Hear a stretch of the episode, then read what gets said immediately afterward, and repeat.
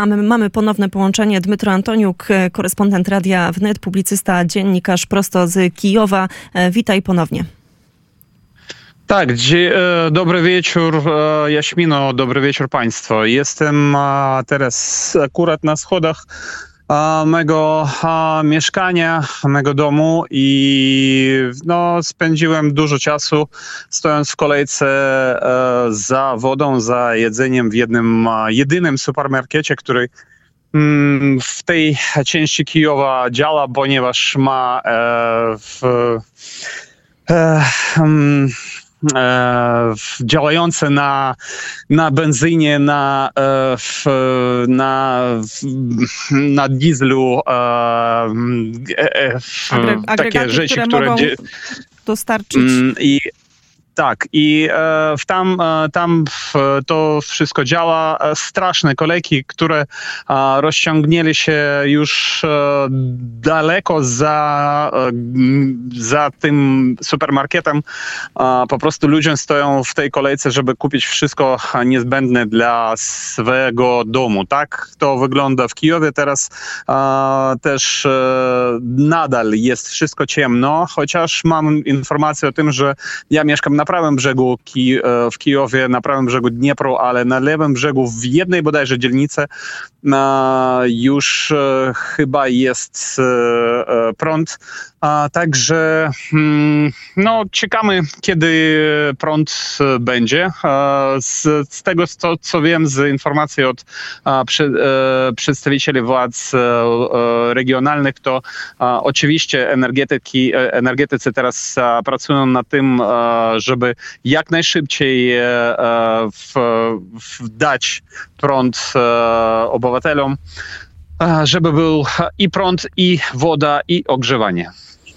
I to wszystko jest e, bardzo ważne i bardzo serdecznie dziękujemy, Dmytro, że pomimo takich, takiej dramatycznej e, sytuacji ty starasz się i na bieżąco informujesz słuchaczy Radia Wnet, jak wygląda wasza codzienność, wasze godziny w Kijowie, który jest jednym, nie jedynym tym miastem tak bardzo e, atakowany dziś. Ta informacja o tym, że gdzieś zaczyna pojawiać się prąd w Kijowie jest faktycznie bardzo dobra, bardzo ważna. Podobne informacje, nie wiem czy słyszałeś korespondencję Wojtka Jankowskiego, który akurat przebywa w Lwowie i w momencie, kiedy z nami rozmawiał, e, ucieszył się bardzo, powiedział, że zaczyna w poszczególnych budynkach mieszkalnych dostrzegać, że zapala się światło, że jego e, piecyk zaczął e, działać, a już szykował się na jakieś godziny, godziny zimna, na to, żeby w jakiś inny sposób spróbować pozyskać ciepło. A powiedz proszę, jak wygląda sytuacja, jeżeli chodzi właśnie o budynki mieszkalne? Czy to jest tak, że ludzie jakoś starają się gromadzić w bezpiecznym miejscu albo w jakichś schronach, czy jednak zostają w swoich mieszkaniach? I tutaj, drodzy Państwo, straciliśmy połączenie z Dmytro Antoniukiem e, prosto z Kijowa, który e, podsumowując to wszystko, co przekazał nam e, Dmytro, który jest praktycznie całkowicie odcięty od prądu, od światła, jedyny działający supermarket i długie, bardzo długie e, kolejki, bo wszyscy starają się zaopatrzyć chociaż w wodę, bo przypomnijmy, to nie tylko odcięcie od dostaw prądu, to także brak e, bieżącej e, wody. Jedyny działający supermarket i teraz już to połączenie stracone z Metro Antoniukiem, ale jeszcze jedna ważna informacja. Gdzieś na prawym brzegu Dniepru udało się, na prawym brzegu Dniepru, gdzie udaje się powoli przywracać, przynajmniej częściowo ten prąd. Będziemy Państwa na bieżąco informować o tym, jak e, wygląda tam e, sytuacja.